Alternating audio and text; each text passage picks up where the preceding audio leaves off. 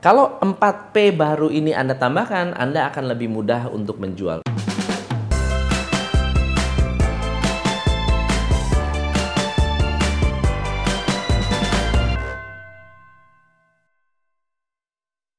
Teman-teman, apakah Anda sudah memperhatikan bahwa yang namanya kompetisi hari ini semakin tajam, harga sudah semakin campur aduk, customer semakin pinter dan akhirnya sulit sekali untuk menjual produk. Kebanyakan orang mengandalkan teori marketing 4P. 4P itu apa?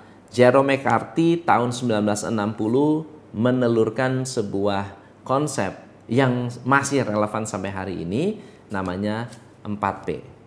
Product, Price, Place, and Promotion. Produk adalah apa yang Anda jual, bagaimana Anda mengemas produk tersebut, bagaimana Anda memiliki desain yang menarik, bagaimana Anda membuat produk ini memiliki fitur dan benefit yang sesuai kebutuhan konsumen, lalu kemudian Anda menjual produk tersebut.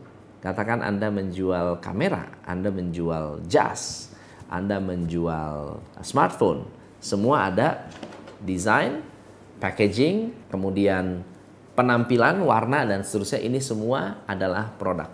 Faktor yang kedua yang mendukung produk adalah yang disebut price. Namanya price berarti Anda harus ada price list, harus ada discount, harus ada aturan main pembayaran. Ini akan membuat Anda lebih mudah untuk mengambil keputusan pembelian jadi customer akan mengambil keputusan pembelian dengan lebih mudah kalau Anda adalah konsumen. Nah, faktor yang ketiga namanya place. Place adalah bagaimana Anda bisa membuat customer bersentuhan dengan produk Anda. Place itu kaitannya dengan distribusi, kaitannya dengan inventory, kaitannya dengan kategori produk Anda, kaitannya dengan seberapa banyak atau seberapa luas coverage wilayah yang Anda akan tangani. Katakan Anda setiap kecamatan adalah target coverage kita. Jadi setiap satu kecamatan akan ada satu cabang, satu kabupaten akan ada satu cabang, satu kota media akan ada satu cabang, dan seterusnya. Mungkin itu adalah namanya coverage dan itu masuk kategori place. Yang keempat namanya promotion. Bagaimana Anda membuat strategi-strategi marketing yang akan membuat orang mengenal produk Anda. Yang menarik, 4P promotion ini belum cukup untuk bersaing dan membuat produk Anda lebih mudah untuk bersaing, lebih mudah untuk dijual, lebih mudah untuk dijual oleh tim, lebih mudah untuk didapat oleh konsumen. Ternyata itu nggak cukup. Ternyata Philip Kotler menawarkan konsep 4P menambahkan 4P Jerome McCarthy. 4P yang dijelaskan oleh Philip Kotler yang pertama adalah people. Anda boleh punya produk bagus. Kalau people yang ada di dalam company Anda nggak beres, produk yang bagus menjadi jelek.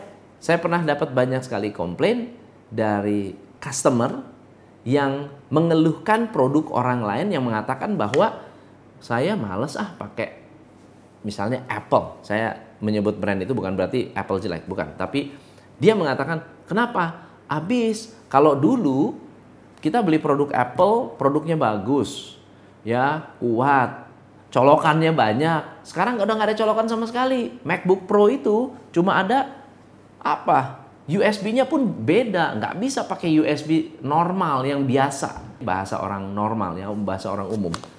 Dan tidak ada slot-slot lain yang membuat saya mempermudah kerjaan. Kalau kita beli Mac, kita harus beli 4 sampai 5 converter untuk SD card sendiri, untuk USB sendiri, untuk proyektor sendiri. Dan ini semua sangat-sangat mahal artinya. Nah, jadi bisa jadi komplain. Tapi kalau people-nya bagus, kalau people-nya menjelaskan dengan baik, yang menarik adalah Apple tetap laku.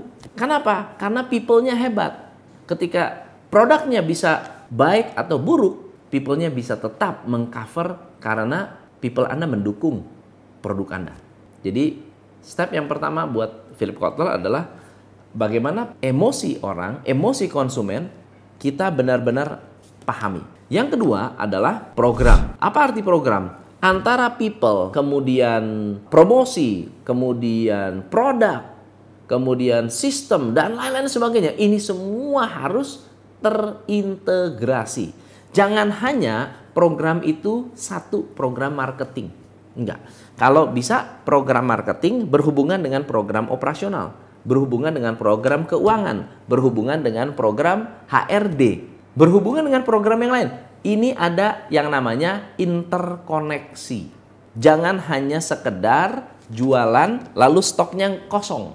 Anda marketing, waktu telepon customer masuk, ditanya, Halo, mau tanya ada promosi yang kasih diskon buy one get one ya? Lalu yang terima telepon bilang, mohon maaf pak, saya belum tahu ada promo itu.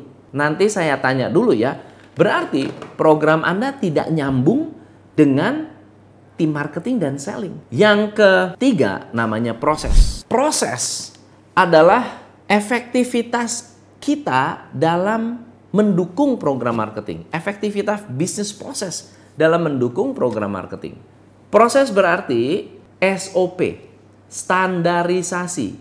Semua mensupport program marketing. Dan yang terakhir adalah performance. Bahwa semua program marketing harus berhubungan dengan finance. Harus ada kaitan dengan profit. Itu yang akan membuat kita excited mengejar target. Kenapa? Karena marketing plan kita, people plan kita, proses plan kita itu ada kaitan dengan financial performance. Nah, kalau 4P baru ini Anda tambahkan, Anda akan lebih mudah untuk menjual. Nah, kalau Anda ingin membuat bisnis Anda lebih mudah untuk dijual, Anda perlu menciptakan program yang akan mempermudah tim Anda menjual dan Anda perlu menciptakan strategi proses agar tim Anda lebih mudah untuk menjual. Proses ini disebut strategic marketing. Karena kita tidak hanya berpikir tentang iklan apa, Headline-nya gimana? Bukan. Kita berbicara tentang keseluruhan proses agar tim kita bisa dengan mudah menjual produk-produk kita. Konsumen kita dengan mudah menjual produk kita ke orang lain, memberikan referensi ke orang lain.